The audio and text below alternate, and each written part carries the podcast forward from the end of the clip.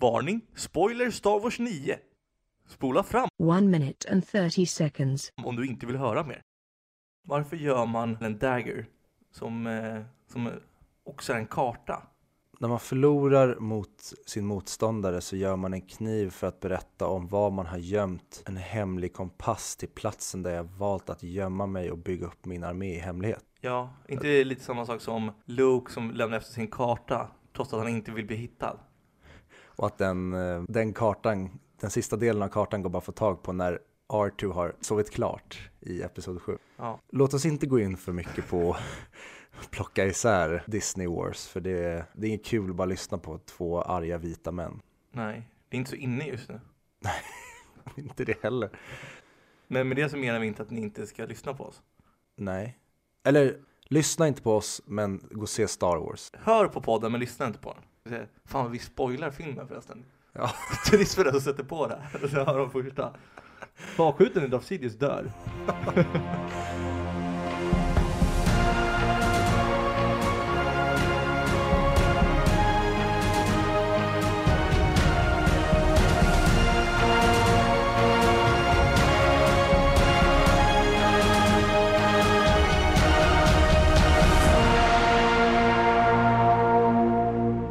säger vi hej och välkomna tillbaka ytterligare en gång till 100 Mic Podcast. Podcasten där vi pratar upp IMDBs topp 100-lista men inte Charlie Chaplin.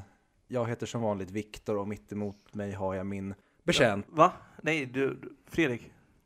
min betjänt Fredrik. Hur mås det? Måste bra. Det är trist att det är min tur att vara bekänt. Men Men hur har eh, nyårs... Vad säger man? Julledigheten, om du skulle summera. hur har fortsättningen varit? Man ser att det är god så fortsättning. Mm, precis. Hur har fortsättningen varit? Det har varit bra. Hur har Ja, du själv haft det? Du är ju, är du lite jetlagd. Ja, jag flög ju hem på nyårsafton och i alla fall de senaste åren när jag kört eh, flygningar som gör långa tidszonshopp så har jag blivit otroligt sänkt den kommande veckan. Så jag är just nu inne i någon slags dvala där jag gått runt och känt mig konstant trött men jag har ändå sovit de timmarna på natten som jag brukar. Så mitt liv är piss helt enkelt. Men sen å andra sidan, är inte det det perfekta att kolla på slö titta på tv-serie-modet? Jo, så det är typ det jag har gjort. Har du sett några bra serier? Jag, eh, dels har jag sett klart Succession, säsong två. Men den serien som jag såg klart här eh, för någon dag sedan, det är ju The Mandalorian. Som du äntligen ska få prata om. Det är Mandalorian ja. Oj vad jag har väntat. Mm. Eh, för er som inte vet om det, det är alltså i Star Wars-universumet, de får följa en Bounty Hunter som är en Mandalore. Ja, det är Disneys första spin-off-projekt på Star Wars kan vi säga. För de, Ja.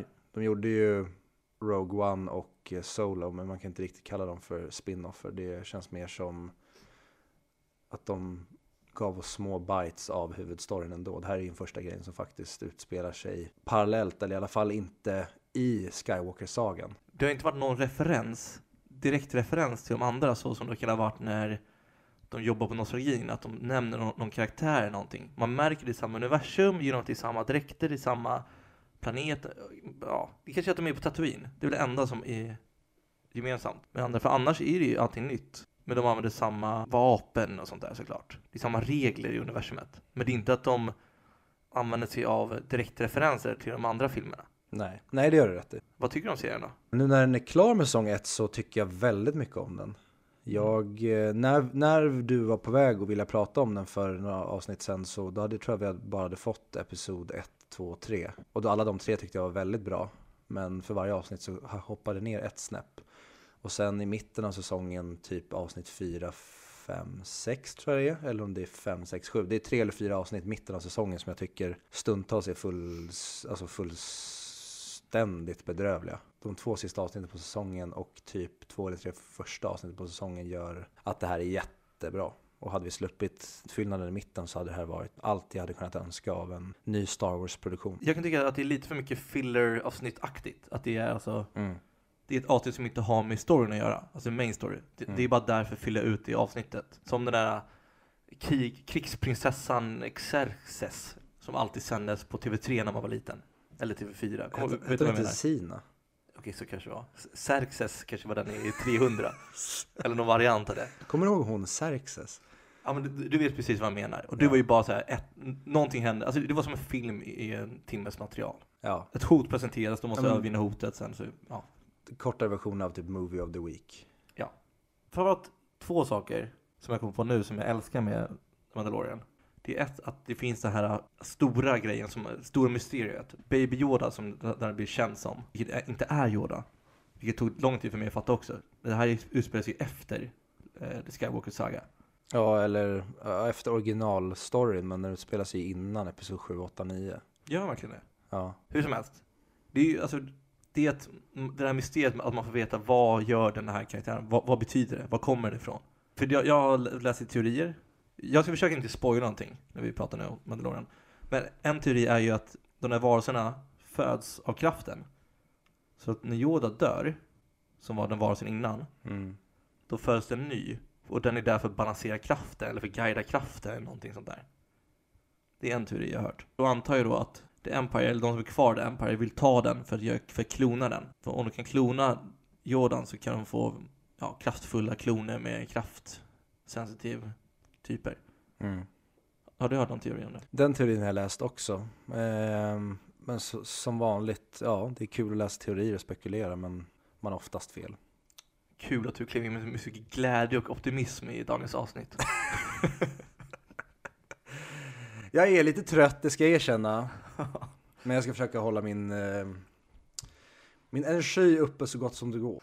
vad, vad heter de där små 80s? Alltså inte kamelerna utan de som går på två ben?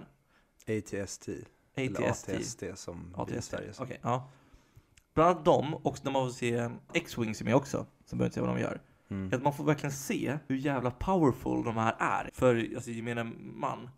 I filmerna så är det bara som, ja ah, det är bara att förstöra den, det är hur lätt som helst, eller åh, där förstör den till sådär, för det är så stora massor. Men nu när kanske en eh, banditer eller skurkar eller de goda har en sån, så bara förhindrar den allt. Alltså det går typ inte att vinna över den, för den är så kraftfull. Mm. Och det är de väldigt bra på att visa i The Mandalorian tycker jag. Det gör de väl, det är väl bara med en sån i eh, avsnitt när de är i, den, i byn va? Ja. Avsnitt fyra tror jag att det är. Jag gillar det att de gör den väldigt eh, skräckinjagande. Men jag gillar inte att de så tydligt gör den till någon slags dinosauriegrej. Att den nästan blir levande. Tyckte du att med ögonen lyste rött eller? Ja, och att den typ låt, alltså den nästan betedde sig som en fågel och rörde sig som en fågel. Mhm. Att det hade varit bättre om den rörde sig som en robot men den kunde varit skräckinjagande ändå. Nu blev det lite som att de, det blev mycket, lite mycket sci-fi och inte så mycket fantasy. Men det avsnittet kan ju, kan ju faktiskt varit det svagaste av alla avsnitten tycker jag. Ja, Jag tycker det svagaste är det när han är ute med den här yngre snubben i öknen och ska hitta någon uh, Bounty Hunter. Ja, de, okej, de två faktiskt. Den, den, han- det- det- den hade kunnat plocka ut och det hade inte gjort någon skillnad alls. Men den tycker jag var lite bättre ändå. Än den. Men i den du pratar om, då hit, träffar ju ändå hon eh, Cara.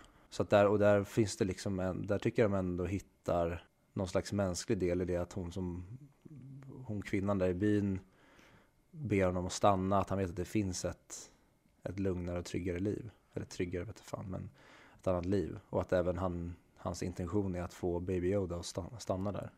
Men det- om Det jag inte förstår med hon karaktären, för du har ju rätt i det, hon är faktiskt med i, i storyn sen, eventuellt. Mitt försök att inte spoila. ja. Fan vad dåligt. Hon är ju en, en rebell. Hon, slog, hon slogs med rebeller mot The Empire. mm. Men varför är hon rädd att The New Republic ska hitta henne? Det får man inte reda på va? För hon, hon är ju rädd att The Empire ska, ska ta hennes koder såklart. Ja. För de är skurkar. Men jag förstår inte vad hon har gjort mot eh, The New Republic. Nej, inte jag heller faktiskt. Jag kommer inte ihåg det. Det kanske man får reda på sen. Där är faktiskt John Favreau. Eller John Favreau. där, där är han ändå, tycker jag löser, alltså jag, jag tycker det är bra att han slänger in så här mysterium. Alltså han, han, han har förstått att det måste vara saker man inte får reda på, som man blir teasad av. Som håller, som håller intresset uppe. Absolut. Det är skillnad på original Star Wars-filmerna, eller Disney-filmerna. Nej, precis. Det får bli en annan gång när vi ska gå igenom eh, Star Wars-sagan och se vad, vad, det, vad det var, vad det sen blev och vad det nu har blivit. Men vi kan säga det, om du som lyssnar nu om vi har någon lyssnare som lyssnar så här långt i vårt avsnitt. Och om du vill höra specialavsnitt om någon serie, någon film eller vad som helst. Eller framförallt nu om stars, för det känns ju mer relevant än någonsin. Ja, eller det kan vara ett specialsegment eller vad som helst. Om ni vill höra oss prata om någonting. Ja, skriv. Antingen så kan ni skriva till vår Facebook, Instagram eller Twitter. Eller så kan ni mejla oss. På vadå? 100micpodcast 100micpodcast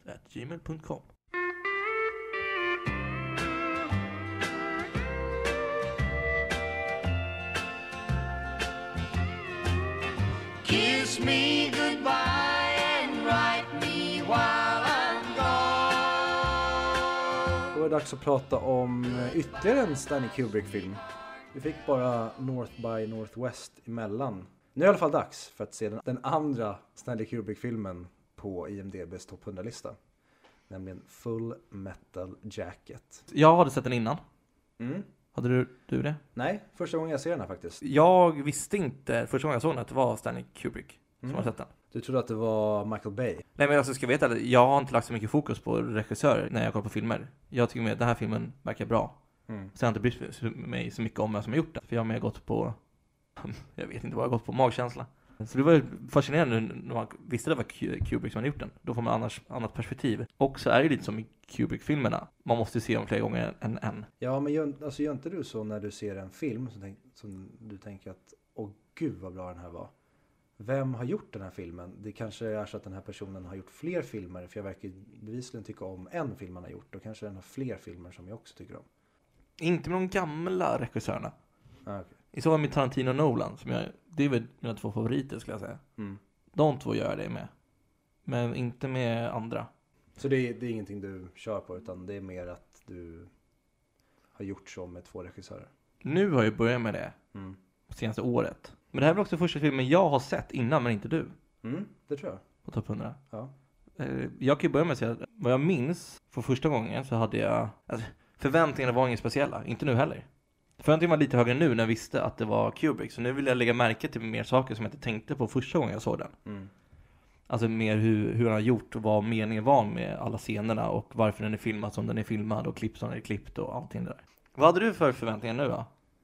Det är ju väldigt svårt med tanke på att jag eh, högaktar Stanley Kubrick och alla andra Kubrick-filmer som jag har sett har jag typ älskat. Men jag är absolut inget fan av krigsfilmer. Klass, vad kan man säga? Alltså, ja, krig är så brett. Men klassiska, inom citationstecken, moderna krigsfilmer med gröna dräkter och moderna vapen som utspelar, utspelar sig i en i alla fall hyfsat modern kontext. Eh, Jag tycker oftast det blir, det blir ganska tråkigt och väldigt repetitivt. Det är många krigsfilmer som är väldigt lika varandra och sen så försöker de ofta spela på det känslomässiga.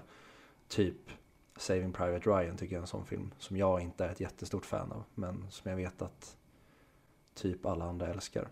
Ja, Det är en krigsfilm, alltså ett namn på en krigsfilm som går, verkligen går runt. Som folk gillar att använda.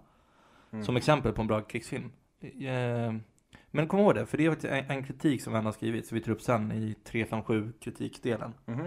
Innan vi går in på den så, jag kanske ska bara sy ihop säcken att ja, förlåt. Ja, men det är sagt att det är en Kubrick-film vilket gör att jag på förhand borde älska den och sen en krigsfilm vilket gör att på förhand att den kommer dras ner. Så uh, var jag ändå jävligt taggad på att se den här. För jag har hört så mycket gott om den. Så det ska bli kul att se. Men sen, det är ju också en Kubrick-film, så det finns ju alltid saftiga saker som man händer behind the scene. Ja, Till exempel en grej som jag tycker var, som man blev ändå lite varm i hjärtat av. Det var att med som filmar det här så råkar de eh, göra så att en familj av kaniner dog. Och Kubrick, En kaninfamilj. ja en kaninfamilj, eh, dog. Och Kubrick som tydligen är världens djurälskare, han var så upprörd att han avbröt resten av dagens arbete. Det roliga var att när jag läste om det här så stod det inte faktiskt när på dagen det hände. Det var kul om det hände vid typ så här. Det var en timme kvar av dagen. Ja, eller jag är lite mer sadistisk så jag tycker det hade varit roligare om det hände på morgonen. Ja men då, men då, va? Ja, men då, då visar det bara hur fin han var som avbröt det. Så han offrade flera hundratusen kronor eller vad det kostar Nej, att hålla sätt uppe. Vilken jävla idiot han är. Du tycker det? Ja, Jag tycker det var fint. Men det jag menar. Jag är lite mer, jag, jag vill att det ska vara det, det hårda, det negativa, det li, kanske lite mer omänskliga som ska vara sant. Men du vill ju ha en ond värld. Mm. Alltså jag, jag beskrev det här till en som pratar om, eller som jag pratade med om vår podd. Mhm. Det är ju lite så, jag är ängeln på axeln. Du är djävulen, lyssnaren är människan. Han som spelar Sergeant Hartman, alltså Lee Ermey, han eh, ville väldigt gärna ha rollen som The Sergeant men eh, Kubrick tackade nej till honom. Och då började Lee Ermey skrika på Kubrick som om han vore den här sergeanten. Och hans eh, skrikande och gormande på Kubrick fick honom så imponerad att han ställde sig upp och eh, svarade som en soldat för att han tyckte att hans eh, imitation av en väldigt överdriven och hård sergeant var väldigt övertygande. Jag har två, två till roliga trivia som filmen. Jag vet inte om du har hört det. För det första, det här tycker jag är väldigt imponerande. Att eh, han som spelar Private Pile, alltså Vincent D'Onofrio, han gick upp 70 pounds. Vad är det, ungefär 35-40 kilo? Det är det. Ja, mellan 30 till 40 kilo. Det är någonstans där vet jag, ungefär hälften. Eh, alltså förstå, säg, om- säg det är 30 kilo. Att gå upp 30 kilo Det gör jag på ett par månader. För, för rollen. För tydligen att det, det, det tidigare rekordet var av eh, Robert De Niro som gick upp 60 pound för Raging Bull. Det tog honom alltså sju månader att gå upp de här 70 pounds. Köttigt. Och sen tog det nio månader att ta bort det igen. Ja, han gillade livsstilen. Så det... Så, ja, men det- är så ändå härligt hur gärna man vill vara med i Kubricks filmer. Och hur, och, hur- och hur Ku- Kubrick verkligen ska få allting så autentiskt och äkta som möjligt. Som, som bara saken att när man får se alla militärer, när de så uppradade, så har han en speciallins som är fokus på alla lika mycket. För att visa att alla är lika mycket värda, typ. Mm. Och det, det här är sådana grejer som man, de vet man inte utan de får man ju läsa sig till. Men när man väl läser dem så blir filmen bara ännu bättre. Men vill du berätta lite kort vad filmen handlar om? Vad som händer? Mm. Den handlar då om eh, ett parti herrar som ska tränas till att bli med i the US Marine Corps. Och eh, egentligen det är det som filmen handlar om. Vi får följa den här eh, gruppen unga män som ska drillas av Sergeant Hartman till att bli värdiga att få kliva ut i krig och slåss för USA i Vietnamkriget. Typ det. Ja, filmen är uppdelad i egentligen tre delar ju. Eller två kan man, ja. Först träningen och sen de åker till den. Mer så behöver vi inte gå in på handlingen tycker jag. Nej. Ska vi övergå till vad, vad du faktiskt tycker om filmen? Ska jag börja då? Mm, kör.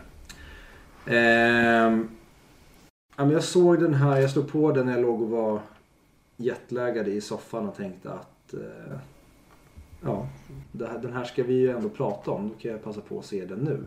Kanske lite dumt när man ska prata om en film att se den när man är lite trött i skallen men det sket jag i. Så dålig förutsättning kan man säga. Ja, hyfsat. Jag var ändå liksom skönt tillbakalutad och avslappnad när jag skulle se den. Så jag var inte upptagen av distraheringar runt omkring. Men eh, jag tycker den var jättebra. Och det... Den var typ precis det jag hade kunnat önska mig. Speciellt efter att ha sett, sett en annan Kubrick-film så pass nyligen så visste jag ungefär vad jag skulle förvänta mig. Och jag fick i princip precis det jag ville ha utifrån den här. Och jag älskar när Stanley Kubrick går på och är så här rå som han är i den här filmen. Typ så kan jag säga lite kortfattat om vad jag tyckte om filmen. Mm. Vad tyckte du?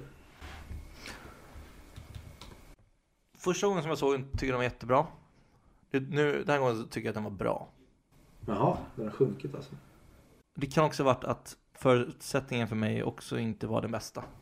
Berätta.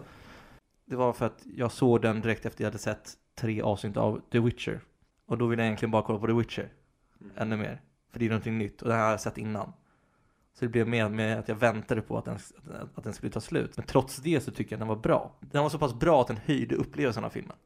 Även fast du känner dig... Även fast jag känner mig tvingad att se den. Ja, ja men precis. Ja men det låter ju ändå som en, ett bra utfall. Ja, definitivt. Och då kan jag också gå in på vad jag tycker var bra. För filmen är ju uppdelad egentligen i, i två delar, som vi sa innan. Precis, två stora delar. Och vill du dra dem eller ska jag dra, gå igenom det? Eh, jag kan berätta första delen. Mm. Det handlar egentligen om träningen. Man kommer direkt in i filmen när man får se de, de eh, kör den klassiska raka av allt hår på huvudet för att bli Det är, marines. en, det är öppningsbilden va? Ja, det är, det är så det öppnas. Ja. Det är pang bom rakt in. Slipper allting och följa karaktärerna innan. Vi får följa en, en drill sergeant som eh, står och skriker och eh, egentligen ska skaffa dis di- disciplin på de här ungdomarna som vill komma in i Marine Corps. En uppfostrare. Ja, och det är väl som man gör i militära på 60-talet då filmen äger rum. Eh, och då får man följa en person som är typisk alltså, bondlurk. En typisk bondig person. Lite dum, storväxt, överviktig. Kommer dit och han är värd. Kusiner från landet helt enkelt. Ja, verkligen kusiner från landet och han är egentligen värdelös på allt. Och det gillar inte Drill Sergeant, så han skriker åt honom och psykiskt och fysiskt misshandlar honom. Han skriker egentligen på alla. Mm. Men Sarge, eller så Private Pile, alltså mm, kusinen från landet-karaktären. Ja. Han är den enda som inte skärper till sig. Så att Exakt. alla egentligen, han skriker på alla och ger alla olika smeknamn och hånar dem och testar dem. Men Pile är egentligen den som han knäcker. Han är den som, han, som aldrig egentligen orkar med att dels sluta, alltså gå igenom den här träningen men också ha den här dåren skrikandes på honom. Alla andra tar till sig av kritiken och hela tiden blir bättre. Exakt som du säger, Pyle blir ju aldrig bättre. Och, och då testar han, han testar på flera sätt att få Pyle utvecklas. Mm. Först skriker det funkar inte, då får han en personlig mentor, funkar inte. Och då skyller han på alla andra, bestraffar, han kör en klassisk. Om du gör någonting dåligt, så bestraffar de här. Mm. För då kommer de hata dig. Och då kommer de motivera dig att göra det. Ja. Vilket de gör genom att ja, blöta ner handdukarna, lägga in en hård tvål och slå skit i honom. Så jävla bra motivering. Ja, det är ju hemskt. Och det för övrigt, det kan vi säga redan nu, nu när vi redan är inne på att börja prata om handlingen. Ja, Det är enligt mig filmens bästa scen. varför det? Den är så jävla mörk. Bara hur musiken är, alltså det hela den innan de börjar slå på honom och det är mitt i natten och de vaknar upp och smyger. Så är, och även de andra nattsekvenserna är skräckfilms... De är filmade som, som att det vore skräckfilm. Du vet samma sak sen när eh, Joker går in och hör honom inne på toaletten. Det är verkligen... Det känns mer då som att de är på typ ett mentalsjukhus än i en eh, träningsbunker för amerikanska militären. Och jag tycker verkligen de gör det. Med, de gör det med musiken, de gör det med ljussättningen, de gör det med liksom tonen. För i den nattscenen när de slår honom med, med tvålarna. Det, det är så tyst och det är bara musiken fungerar ungefär nästan som att det droppar. Det låter som att hela tiden som att någon släpper vattendroppar fast det kommer som typ av elektroniska ljud. Och det känns bara, jag får direkt när man får se rummet på natten så får jag kalla kårar. Och sen när då alla vaknar upp, tar sina tvålar och de, hur de så smidigt och snabbt bara binder honom i hans säng. Stoppar in någonting i munnen så han inte ska skrika och sen bara pucklar de på honom med tvålsäckarna. Alltså sina handdukar med tvålar i. Ja, det är för mig utan tvekan filmens bästa scen. Och då får man ju se egentligen normala personer som inte alls är onda, men de, de har kommit till, till bristpunkten. De kan inte fortsätta så här, de måste göra någonting åt det. Och då tappar de egentligen den sista moralen de har kvar i kroppen. Och väljer att puckla på honom. Ja, för det här är en person som upp tills det här har drillats och fått göra samma träning som de andra men han pallar inte med det. Mm. Och han har till och med besvarat det lite nonchalant och lite hånfullt som att han inte riktigt bryr sig. Ja. Så att det är ändå befogat att han får det, det här sitt kokstryk som han får. Men man blir också väldigt berörd av för att man ser hur illa han mår. Ja, exakt. Det är någonting som inte står rätt till i honom. Så han behöver ju snarare hjälp än det där. Ja. Egentligen ska, ska inte ens vara i militären. Nej. Men, men på något sätt förstår man dem också. För de vet inte heller vad de ska göra. Nej. Även om de, jag hade nog inte gjort det personligen, men Fast hade du inte det om du hade varit i den situationen att du är med, för du vet ju att du själv straffas ju om du inte är med på det här. Du vill inte själv vara potentiellt next, next, in line för att utstå det här. det, det är jättesvårt att säga, men jag hoppas ju att jag inte hade gjort det. Ja. Men det är där du är ängen på axeln och jag är djävulen. För jag, att jag hade klivit rakt in och slagit hårdast. Mest för att jag... eh, Det, det hade du inte gjort heller. Jag vill! Nu, nu, nu, nu kliver du in i din vi- 100 mick-aura. Jag hade velat slå någon, någon gång. Nej men och jag känner även det, samma sak när Joker hör någon prata på toan på natten. Mm. För då har jag för mig att man inte får se först vad det är. Men jag förstår direkt för det har verkligen Det har byggts upp under så lång tid att snart kommer den här personen att brista. Ni kommer inte kunna behandla honom så här länge till för han kommer göra någonting. Antingen så kommer han ta livet av sig eller så kommer han Ja, just för att han tränas till att behandla sitt vapen som sin baby. Så kommer antingen hans baby skada er och eller honom eller göra någonting värre. Och det är egentligen precis det som händer. Träningen går, vi får lära känna flera av de här karaktärerna som gör sig redo för krig. Och, det, och egentligen hela den akten slutar ju med att de ska... De tar sin examen, de är färdigutbildade. Och då... Det är väl den natten typ. Ja, det är exakt den, den natten. Så de har hunnit få sin... Ja. Sin De har tagit examen egentligen från militären. Precis. Ehm, och det är då egentligen som det hela, ja, slutet på första halvan tar slut när Joker hittar Private Pile, alltså Vincent D'Onofrio, den kusinen från landet. Eh, Joker hittar kusinen från landet på toaletten där han sitter och egentligen sweet-takar sin, sitt gevär va? Jag har för mig att han sitter och upprepar alla ramsor som han, fått, han har fått lära sig. This is my rifle. Ja, så kanske. I am nothing wi- without my gun. The gun is nothing without me. Ja, han, sitter, han sitter på, på toaletten och egentligen bara upprepar alla det här mantrat som han fått lära sig. Alla ramsor, alla order, ja egentligen allting för att få utveckla honom till att bli Mm. den här militären. Men egentligen har det blivit som, ja eftersom hans psyke är paj så är allt det här bara ramlas som en trasig, allting bara rabblas som en trasig skiva om Mm. och om igen för honom. Och så kommer Joker in, hittar honom. Hur, hur kommer det sig att de andra vaknar? Det är för att han avfyrar ett skott. Det är för att han börjar skrika ramsan. Så är det. Ja, för efter han blir slagen, då börjar han sköta sig. Och det känns på något sätt, man kan associera till den känslan han får. Att han tänker, okej, fuck de här, fuck alla. För innan var han en, en snäll person som ville må bra och ville att andra skulle må bra. Den känslan fick jag av honom. Ja, han, han, han var en kul kille. Ja, han tog inte livet för, för seriöst, utan han, han tänkte att målet är ändå att må bra, vara trevlig. Mm. Efter det så ändrades han till, jag hatar er allihopa, nu ska jag bara klara det här och sen så ska ni se hur jag ska hamna spel. Och det är därför han blir så bra på allting. Ja, och det blir extra obehagligt när han är bra på att sikta. Då tänkte jag, och då har man pratat tidigare i filmen om den här gamla soldaten i, jag kommer inte ihåg vilket, om det är första världskriget, som sattes upp i ett torn. I Texas. Nej men precis, exakt. Han Mm. i Texas i tornet. Som skjuter ner folk där uppifrån. Mm. Jag tänkte att nu kommer det bli något sånt här scenario. Att han kommer bli bäst på att skjuta. Och sen kommer han sätta sig någonstans och bara massakrera Ja. hela sin, eh, sitt gäng. Men det blev inte riktigt så brutalt. Men det blev ändå brutalt. För det slutar med att när han sitter inne på toaletten.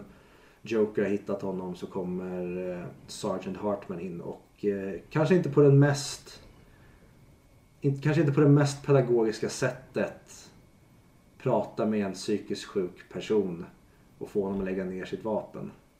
Utan han ställer sig och börjar direkt kalla honom för massa glåpord och dumförklara honom. Vilket slutar med att Sergeant, nej Private Pile skjuter Sergeant Hartman i magen med sitt gevär och sen sätter han geväret i sin egen käft och blåser skallen av sig. Mm. För sen efter, då, då händer det här. Vi får följa fortfarande Joker. Ja, för jag uppfattar det som att vi, det är eh, Private Pile, alltså kusinen från landet, som är huvudpersonen i början. Mm. Men sen eh, övergår, eller, den, eller om det är att man får följa både Private Pile och Joker parallellt. Och sen när, när Pile blåser skallen av sig, då får vi bara följa Joker. Men ja, han är ju helt klart filmens eh, huvudperson. Om man ser till helheten. Ja. Och jag tycker första delen är faktiskt den starkaste i filmen. Ja, jag med. Det är då den inte... För annars kan man ju hävda lite att eh, filmen är som en klassisk krigsfilm. Träning, ut i krig och sen eh, skjut, fight. Mm. Och sen lite andra saker där på vägen som jag tycker gör den till någonting annat än en vanlig krigsfilm. Ja, exakt. Men det är ju framförallt den här träningsdelen som jag tycker är unik för den. När man får se det psykiska. Ja, alltså jag hade gärna kunnat se filmen bara handla om det. Mm. För det hade varit sjukt intressant att se en ännu, alltså en två timmars version av ja, deras eh, bootcamp och hur eh, Private Piles eh, psyke pajar. Och han det. Men vi fick eh, ännu mer gott. För i vanliga fall i krigsfilmer, ja, det, min favoritdel brukar vara träningsscenerna. Säg Band of Brothers som du inte tycker om. Det har jag aldrig sagt. Du som är den enda i världen som inte tycker om Band of Jag har Brothers. sett halva Band of Brothers och jag minns det som att det var lite segt. Men det här var väldigt länge sedan och jag har fortfarande Band of Brothers på Blu-ray så att någon gång ska jag ta mig an det. Där är också träningsscenerna, träningsdelarna, är, det, är de bästa tycker jag. Eh, Så jag håller med, jag hade kunnat se en två timmars film med bara det. Men är inte det generellt när det kommer till filmer? Jag tycker även vi ser det i superhjältevågen.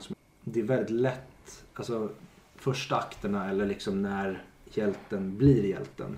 Oftast de som är bäst. Mm. Sen är det andra eller tredje akten, framförallt tredje akten som förstör många filmer. Men det tycker jag att den här filmen lyckas att inte göra. Att sista, eller allting som efterföljer bootcamp-delen är också väldigt bra.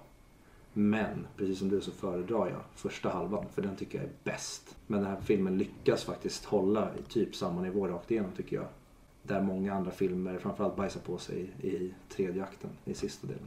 Men kan det vara lite samma effekt som alltid när man ska ut och dricka och festa så är ju alltid förkröket som är det bästa. Ja. Men om man bara har förkrök och stannar kvar, då suger det.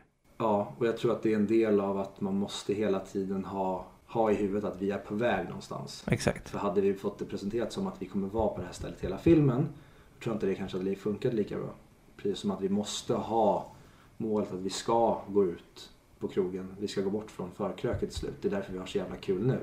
För att det finns hela tiden en, någon slags... Vi är på väg någonstans och vi vill hela tiden eskalera. Exakt, vi vill hela tiden ha liksom nästa steg som människor. Vi vill hela tiden ha någonting att se fram emot och bli Mm. lovade om att det kanske är gräset, det kanske är grön, ännu grönare där. Men tror man att det här är det gräset du får, då kommer du hela tiden tänka att this is it och det kommer inte till slut bli, bli kul. Och därför är det alltid viktigt att ha någonting som suktar, alltså en pil dit att dit är vi på väg. Nu är vi här just nu, men vi ska också vidare. Då kan man njuta av här och nu mycket mer. Jag håller med. Jag har ju en favoritscen och favoritdialog. För de, de har två i samma. Det som jag tycker var mest underhållande med filmen. Eller det var två, två scener. Förlåt, två scener. Dels nummer ett är. För det är en scen som han har väldigt lång rant. Han eh, Drill Sergeant, Drill Sergeant Hartman. Det är helt sjukt tycker jag, fascinerande hur han kan komma ihåg och säga allt det där. Och bara få se han prata, för han är väldigt snabb i munnen.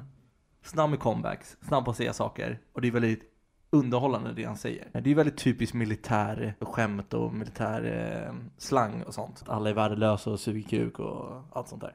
Det är underhållande. Och så gillar jag också scenen när man får se den, eh, när man ser Vietcongs eh, soldater. En ensam sniper senare i filmen, nästan nära slutet, som skjuter en, pe- en person i benet. Som ligger där och eh, skriker efter hjälp och smärta. Skjuter den en gång till, kanske i axeln. Och sen hela tiden sakta men säkert plågar den. För att locka fram fler soldater för att hjälpa den. Eh, det känner Cowboy till då. Exakt, och då till slut springer en fram till. För de lyssnar inte på Cowboy som säger gör inte, du kommer bli skjuten. Den personen blir också skjuten i benet. Händer samma sak där. Och det är så fascinerande att USA trots att de har mycket pengar, så avancerade utrustningar, så stora arméer och allting. Trots det, trots det kan en ensam vietkongsoldat med en AK47 eller vad det är för vapen ändå döda två eller tre soldater. Bara på grund av ren strategi och taktik som är egentligen så omoralisk att man gör det inte. Ungefär som i fotboll att när någon, är- när någon är skadad och någon spelar ut den så passar man tillbaka bollen för att de ska fortsätta. Det är ingen regel, men man gör det. Men den här personen hade ju varit en person som tog det och gjorde mål. När man inte var beredda. Ja, en vinnare med andra ord. Så kan man se det. Ja, ja, jag tycker väldigt mycket om den delen också. Och framförallt för att se skillnaden på då till exempel. Dels tycker jag att eh, Cowboy är lite, han gör lite för att han är feg. Men också lite för att han förstår situationen att vi skickar inte dit en till. För då kommer det bli bye bye för den också. Men så har vi de här hotheadsen, alltså klassiska stereotypa soldater som bara jag vill bara in och bara, skjut. Alltså som bara är det enda de vill är bara ha ihjäl folk. De vill känna sig som ultra-alfa-hannen liksom. Och då så får man se vad det här uh, huvudlösa taktiken gör med dem. När, Och det är precis som du säger, det är så jävla intressant att se hur personen liksom använder supertydlig krigstaktik för att locka ut. Men ändå så går de på det. För att de är liksom har hög puls, de är inne i krig och framförallt så vill de bara Nu räddar vi de här, nu gör vi det. Oh, landet, alltså bara riktiga jävla patrioter, dårar. Ja, och hela, hela den scenen symbolerar hur USA kunde torska det kriget. Att Vietkong vann mot marinkåren genom att lägga alltså, booby traps, smarta strategier, alla tunnlar under marken. Och det, och det visar han upp genom bara den enkla scenen. Det är en ensam sniper som lyckas döda tre soldater. Har du någon scen som du vill nämna? Men vi kan väl ta, jag, jag hann väl bara prata om första halvan som var då att Booth, ja, tills att han skjuter sig själv. Ja. Andra halvan av filmen som vi dels har pratat om, det är ju när de är i Vietnam. Och då får man egentligen, visst får man bara följa Joker då? Ja, Ja, han är den man får följa hela tiden. Och Joker som egentligen, han blev satt som eh, krigsjournalist. Så han ska egentligen aldrig behöva sätta sin fot i action. Utan han ska bara rapportera om. Det som egentligen, det är väl bara det som soldaterna läser i deras eh, militärtidning. Som de ska leverera. Eller? ja. Och till en början så sitter han egentligen bara i oseriös och dryg på deras redaktion. Där de ska komma på nya ämnen och vad de ska ha för grejer i deras tidning. Men sen så vänds allt, allt upp och ner när de får höra att den vietnamesiska sidan har gjort en jätteoffensiv, eller hur? De eh, bryter någon så här typiskt, att de brukar ha fred under någon högtid. Det Ja. skiter de i. Så det. Och då gör det att han måste skickas ut för att få lite news från fronten. Och det är då han egentligen skickas ut, hamnar i ett nytt gäng med soldater och egentligen följer dem. Till en början tänkt som att bara egentligen dokumentera. Men dras in i striden också och måste använda sitt vapen själv när det blir skarpt läge. Och det är typ så man kortfattat sammanfattar den andra delen. Ja. Eh, Nej men egentligen jag tycker det är väldigt kul när de eh, gör eh, krigsdokumentären. När de tar coola bilder, alla militärer sitter som att de är mitt i strid. Mm. Men egentligen så skjuter de inte på någonting. Gör de inte det? Nej.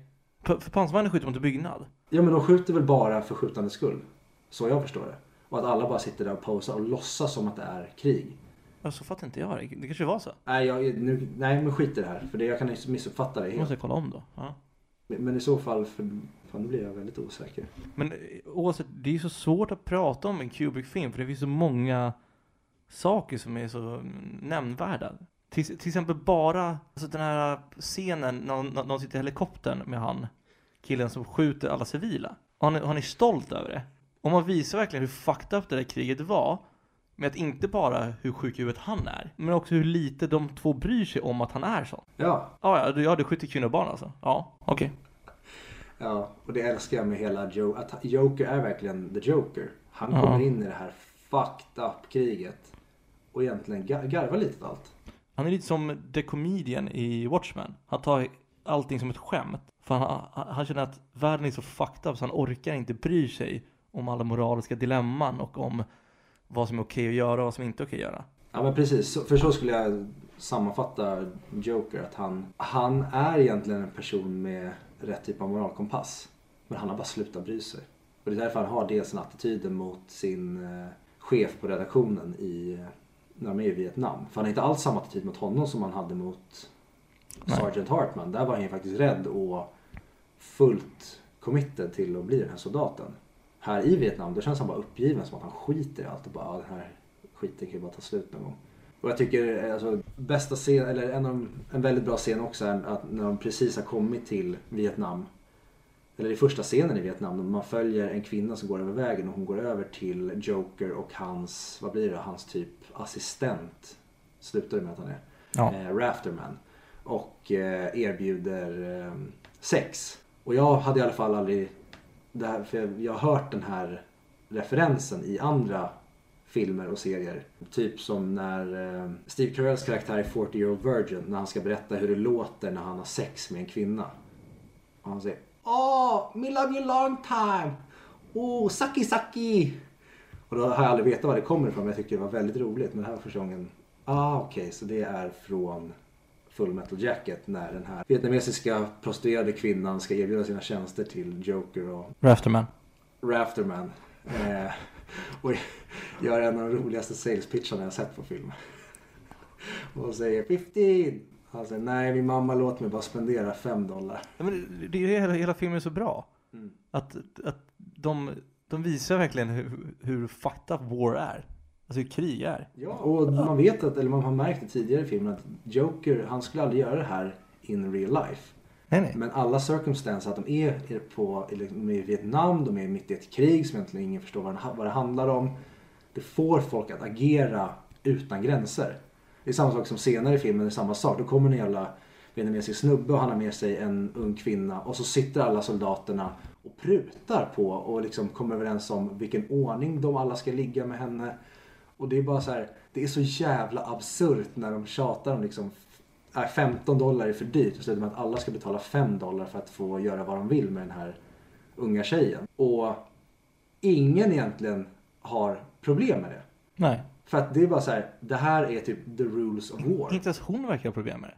Nej, för alla är så här, det här skulle vi egentligen inte göra. Men allt är upp och ner. Ingenting, vi bryr oss inte om någonting. Det finns ingen kompass. Nej, precis. Ingenting spelar någon roll. Då kan vi göra lite så här, okej jag har kanske, jag är kanske lagd lite åt det här, de här, det här hållet. Eller jag skulle tycka att det här var kul att göra i en kontext där det jag gör suddas ut. För det är i princip det det gör i kriget. Att ingenting som du gör där följer med dig hem på ditt record.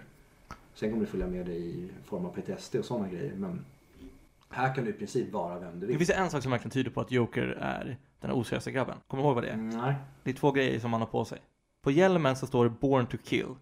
Och sen på sin jacka har en, eh, alltså en hipster-symbolen för fred. För Ja, han ser ironin i att ha Born to kill och ändå, för, och, och ändå vara emot krig. det tar väl även någon upp va? Ja, det är en, eh, alltså det är fler som tar upp det. Eh, Så, så det förklaras ju också, där sätts ju, det är ju förändringen, vad som händer med honom. Att han blir där i eh, människan. Det som jag verkligen tycker är bra med Kubricks filmer, för det var exakt samma sak när vi, när vi kollade på Clockwork Orange. Och det är att Kubricks filmer ger inget slut. Det är aldrig något slut på film. Det är att alltså, det är inte filmer som, som försvinner efter att ha sett dem. Det är inte den makt, alltså, mäktiga climaxen i slutet. De fortsätter leva kvar hos dig. Du får bara inblick, en ny värld. De, alltså, de lever kvar. Det, är, det blir historia som inte försvinner. Ja, i alla fall så har han ju inte så tydliga slut som du säger med att så här, och de levde lyckliga alla sina dagar. Nej. Utan framförallt i den här så blir det bara så här. Tack för idag. Nu har ni fått vara med den här personens resa. Men det som händer efter, ja, det får du spekulera i själv. Lite mindre så tycker jag i Clockwork där man ändå får veta att här kommer han fortsätta. Rehabiliterad och med liksom nya politiska vänner. Så man har ungefär ett hum om vart det här kommer leda. Men som du säger, man får inte veta det utan vi släpps där. Vi har fått igång en språngbräda och fått följa med den här på en resa. Och så klipper vi av där vi kanske skulle kunna få en uppföljare och se hur det utspelar sig eller en extra akt för att se precis hur det här som ska komma landar. Ja men just det här, för k- kritiken innan var att det finns ingen riktig poäng med. Den bara är. Det är bara saker som händer. Och, det, och jag tror det som är att det inte är tydligt slut. Nu är det slutet. För uppdraget var att hitta den här kompassen för att sen åka till det här. Eller för att döda den här människan. Det är inget sånt. Nej. Det bara är. Men Kubrick gör ju också mer filmer om karaktärer mer än att karaktärer finner sig. Okej, den här resan. Frodo hittar ringen. Ringen ska ta honom på den här resan.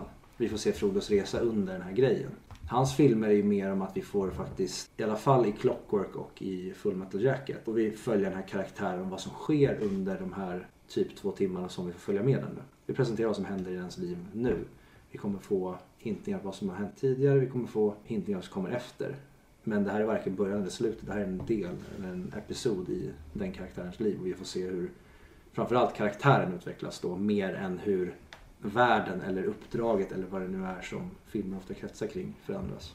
Mm, verkligen. Tycker du att den saknar någonting i filmen? Ja men det är väl kanske det då att den kanske ska ha lite en tydligare början och ett slut. Kanske lite mer ett mål. Eh, att det kanske ska vara lite mer en klassisk första, andra, tredje akt. Än mer en presentation av den, den här lilla delen i Vietnamkriget. Och de här personerna som du får följa. Mm. Men egentligen inte. Jag tycker den gör väldigt mycket intressanta grejer utifrån krigs, krigsperspektivet som jag tycker ofta är ganska ointressant. Den får framförallt karaktären att kännas levande så att man, har, man kan hålla isär dem. Så att även när de har på de här dräkterna som göra att alla ser likadana ut man ändå koll på att okej han är han och den är så här och så här. Så han, gör, han är väldigt duktig på att göra väldigt tydliga karaktärer i ett drama. Jag tycker att den saknar någon sorts samma. tydligare poäng eller, struktur. För att det ska vara alltså, så, så bra som möjligt för mig. För att det ska vara en perfekt film, Mm. så saknar jag det. För jag vill gärna ha någonting att, att ta tag i. Det tycker jag saknar just nu. Kan hålla med. Men jag tycker definitivt att den håller idag. Och det kan också vara på grund av att det utspelar sig tidigare än när den gjordes. Alltså ingen fel på specialeffekterna. Man märker att det är en äldre film. Ja, jag, men jag tror också att den, den, allting känns på riktigt. Den, den, Mm. är, den är dyr. Jag tror den hade 300 miljoner, det är jättedyrt för på den tiden. 30 miljoner dollar tror jag att det var. Jaha, jag tror 300 miljoner dollar. Ja, nej det kan det såklart inte vara. Nej. Nej, så 300 miljoner kronor ish hade den i budget. Och det syns att den är väldigt påkostad för den känns väldigt, väldigt realistisk. Varenda liten grej. Och det älskar jag med den. Och det tror Mm. jag är verkligen en grej som har gjort att den har åldrats väl. Att man inte har hållit på med massa effekter eller fula experiment till typ bakgrunder eller massa dukar. Alltså den, den känns verkligen påkostad. Det är lite mycket blod när de blir skjutna. Äh. Och du gillar ju sånt. Jag gillar sånt. Men det finns ju också det här som kallas för movie babies. Och det känns som Kubricks filmer har fett många movie babies, det vill säga filmer som är inspirerade av den. Alltså det första jag kommer att tänka på är uh, Jared. Ja, det, ja, det var så länge sedan jag såg. Så den, Den känns otroligt lik den här. Jake Gyllenhaal. Eh, exakt. Som, den är också lite, den tar det, visst handlar det om en karaktär som tar det inte riktigt på allvar? Ja, lite, men de blir ju sakta men säkert eh, galna i huvudet. Just det, Fast inte lika mycket. bra film. Jag tycker den är jätte, jätte, den är underskattad tycker jag. Eh, Det händer inte så mycket där heller. Man får bara följa deras resa. Och det är det som är intressant. Samma, samma sak med en serie som heter Generation Kill. Om du har sett den. Nej. Med uh, Alexander Skarsgård bland annat. Hans Hollywood break va? Kan det ha varit. Det var väldigt tidigt. Den är, det, det är som Band of Brothers, du vet det, det som du hatar. Fast i modern tid. I Irakkriget. Det är också lite samma känsla. Man får följa dem, de åker runt och gör saker. Så man verkligen, det känns verkligen realistisk och, och uh, autentisk. Det är, det är ingen Michael Bay, pang, pang, boom. Film. Men annars är det svårt. För jag menar, typ Apocalypse Now. Det kommer typ innan den här. Ja, den kom in. Så det känns ju som att många Vietnamkrigsfilmer som är stora och kända och bra kom innan den här. Men det här var väl lite också för att Kubrick hade velat göra en, en krigsfilm. Mer än att han ville göra just den här. Har jag för mig. Absolut har fel. Men så kan det mycket väl vara. Vi pratar om vad det saknar. Men jag tänkte också gå in på lite 357 kritiken. Mm, kör. Det vill säga tre stjärnor. Personen som ger tre stjärnor, varför har de gjort det? Alltså på IMDBs. Och då använder users, inte hata recensenter och kritikers. För de känns bara, vad säljer mest? Det här känns genuina åsikter. Mm. Och eh, tre stjärnor be, bemöter det, så som de vill. De som har gett dem tre stjärnor har skrivit att det känns lite som en enkel typisk krigshistoria. Det vill säga träning, krig och sen heavy firefight, att de slåss och skjuter mot varandra i slutet. Och att det är lite för lätta karaktärer som man inte... Som är så typiska stereotyper, alltså, alltså det är karikatyrer av typiskt som han child killern. Det är för lätt. Jag, jag håller inte med. Nej, jag gör inte heller. För det är just det när du sa det att den är ganska det var en rak och enkel krigsstory. Mm. Då skulle jag fylla i med det men, ja, men vi får ju det här, de här otroliga karaktärerna. Och se vad som har hänt i den här världen och vad som sker med de här unga männen när de tränas. Och just den delen tycker jag är det bästa med filmen. Att det, ja okej det utspelar sig ett krig och att den kanske är lite basic på det sättet. Men det andra gör att den är så otroligt mycket mer än bara det. Ja, för sen vet jag inte om de här tycker, för det här var ju kommentarer som har skrivits alltså efter 2000-talet. Eller efter år 2000. Vissa till och med på 2010-talet. Ja. Och det kan ju vara för att de har sett så många krigsfilmer så det blir typisk. Ungefär som jag tyckte om North by Northwest. Jag har sett det här för mycket. Det här är inte typ bra längre. Men om vi hoppar på de som har gett fem stjärnor. De tycker också att efter, när, efter första delen på träningskampet så tappar den tempo. Den har byggt upp en pacing och tempo som försvinner när de dödar Drill Sergeant. De hade önskat att han skulle skjuta sig själv bara. Den karaktären var kvar. Och att det bara är den första delen som faktiskt är intressant och på riktigt autentisk. Att andra är lite, alltså det är, den är fejkad för att se autentisk ut. Den är för att som nyhetsuppläsare är sminkade för att se osminkade ut. Och en- den också blir ofokuserad då. Ofokuserad kan jag hålla med om, för den blir inte lika rak därifrån. Mm. Men det är för att första delen har varit så otroligt rak. Ja, första delen är straight on. Den vet vad den vill. Den vet vad den fokuserar på. Och det är väl det, de kanske skulle haft ett lite tydligare mål då, i den andra akten. Jag, jag, jag vet inte vilket geni Kubrick är, men det kan ju vara så. Att han har valt att göra det med flit. För träningen är ganska straight on. Du ska göra det här, du, du beter dig och gör det här. Och krig är, är kaos. Så då Ja. blir det lite mer kaosfilm. Det, det tror jag absolut, för att det är väldigt mycket så här, vem, vem, och det får man ju uppleva i deras frustration. När de väl, jag kommer till Vietnam och precis innan det smäller och de sitter i tältet. Eh, Joker och hans nya gäng som han är med i- nere i Vietnam. De sitter just och klagar på att det inte händer någonting. Bara, Åh, jag vill bara ut och skjuta på något. Mm, Och sen när det väl kommer, ja men då bajsar alla på sig. exakt. Och då känner man så här, ja, fan. Nu ska vi ut i det här jävla kaoset. Och sam, men det är samma sak som när eh, den här sniperskytten i slutet av filmen har börjat skjuta ner dem. Och de kallar på förstärkning. Det kommer ingen tank och hjälper dem. Nej. Att det blir att, ja ni slängs runt i det här och det, som händer idag, det händer idag. Och så får man egentligen följa den delen med att det var inte så jävla kul med krig, trots allt. Ni var mest bara rädda, tog dåliga beslut och skickades runt som de pieces of meat ni är. För ni är inget annat än person som kan döda eller bli dödad. Ni betyder inte så mycket mer för amerikanska militären. Och sjukkritiken är, det var inte så mycket kritik de gav. Det var mer att de inte gav nog beröm. För där, när jag läste de kommentarerna, det fanns inte jättemånga, men då, de gav beröm och beskrev vad de tyckte var bra med den och vad som hände. Men det var ingen som sa att det här var dåligt. Så då känner jag bara att den inte var nog. Nej, men det kan jag förstå. Det är så kan jag förstå om man tycker om mycket av Kubricks filmer. Just för att de inte skriver det på näsan. Och det här, när det är så mycket psykologiskt och i karaktärerna bara hur liksom, det kan vara hållning eller hur deras blickar är. Vissa, delar av filmen, olika situationer. Så ja, då förstår jag att du inte har det här tydliga hjälteögonblicket.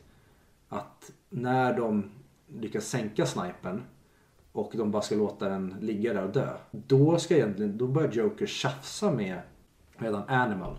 När Joker då börjar tjafsa med honom och säger att vi kan inte lämna kvar personen så här. Att det är så här, ja det är det mesta hjälteögonblicket du får.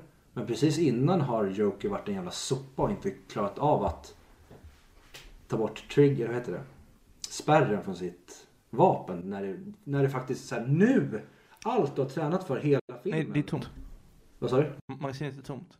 Är det? Det är därför han tog pistolen och ville skjuta med istället. Ah, glöm det. Jag trodde att han eh, kukade ur. Fan, det var inte lika bra. Nej. Det var bättre om man hade på sig. Det är kanske samma sak med eh, krigs... När de filmar krigsgrejerna. Men då är vi framme då till årets sista punkt. El Betygo, eller sammanfattning. Ja. Så det vill jag börja. Börjar du. Du får det. Jag ger den här filmen 8 av 10. Du gör det. En 8 av 10. Mm. Och fyra av fem. Ja, exakt. Och i mick-perspektiv då, vad satte du den där? Jag sätter den precis utanför topp 100-listan. Så inte topp 100? Jag tycker inte det. All right. Ehm, mm. Ja men jag är väl typ i samma, typ på samma plats. Jag känner att det är en 8 av 10, 4 av 5. Men jag skulle nog ändå vilja sätta in den på topp 100 för att jag tycker att det är en av de bästa klassiska moderna krigsfilmer jag sett. Det är väl typ den, ja jag ser, men det är också därför jag inte sett klart Band of Brothers. För att den här typen av, alltså krigsfilmer är inte min grej. Och därför blir det att vi lätt undviker dem. Men de, verkar kan komma på. Dunkirk är ju en sån i, i modern kontext. Och det är bara för att den gör någonting annat än att ha en linjär vanlig krigsstory. För det är egentligen precis vad det är. Det var följa några soldater, några på en annan plats och sen så slutar det med ett eh, rescue mission. Men de gör det väldigt snyggt med att de delar upp i olika tidslinjer och gör de här tidshoppen. Så Dunkirk tycker jag är en av de bästa krigsfilmerna på det sättet. Men om jag ska ta det liksom overall när jag tänker på vanliga klassiska krigsfilmer så är det typ Apocalypse Now som är uppe och rör sig på samma nivå.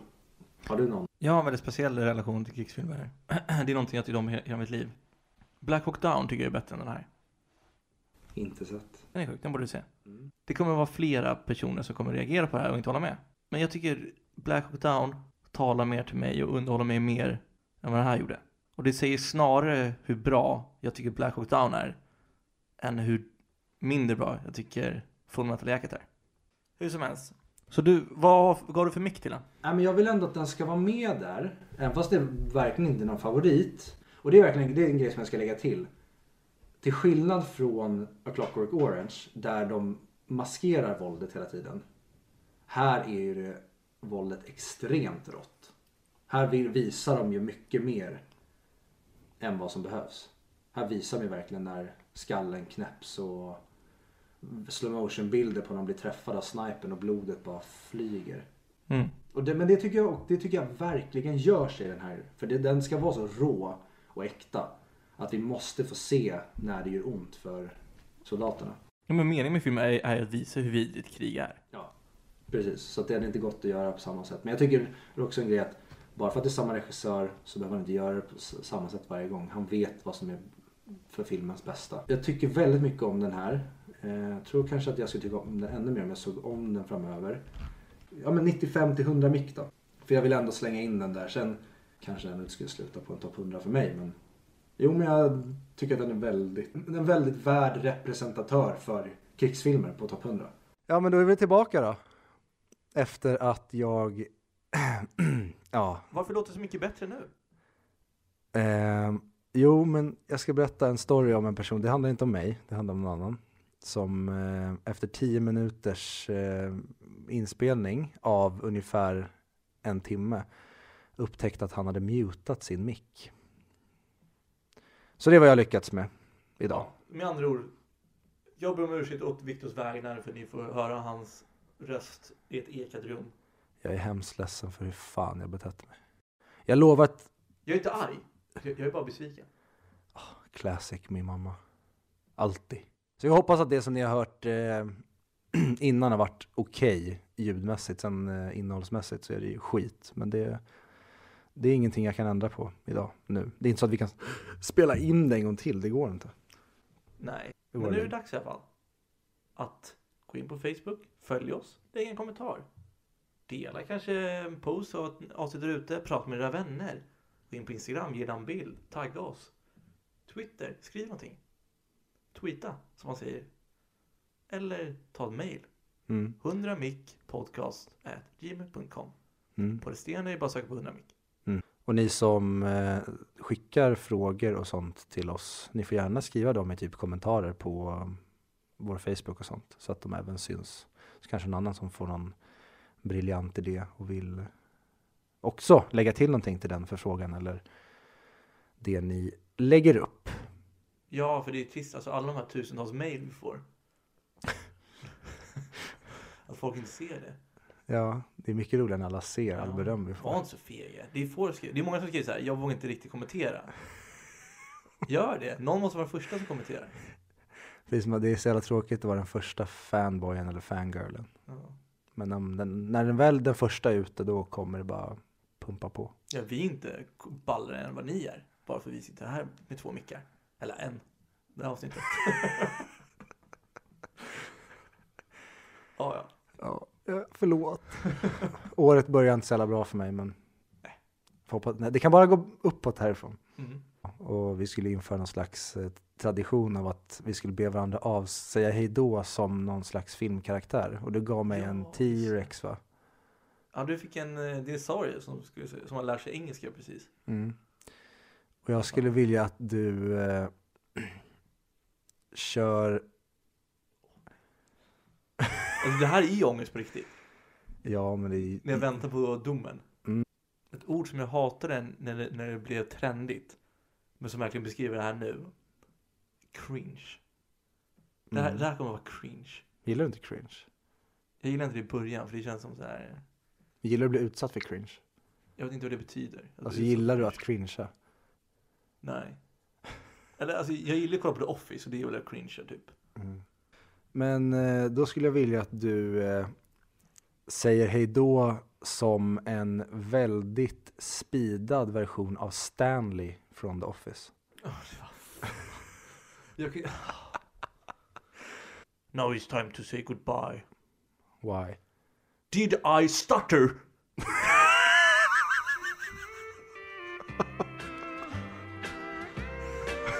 Hey, då. Kiss me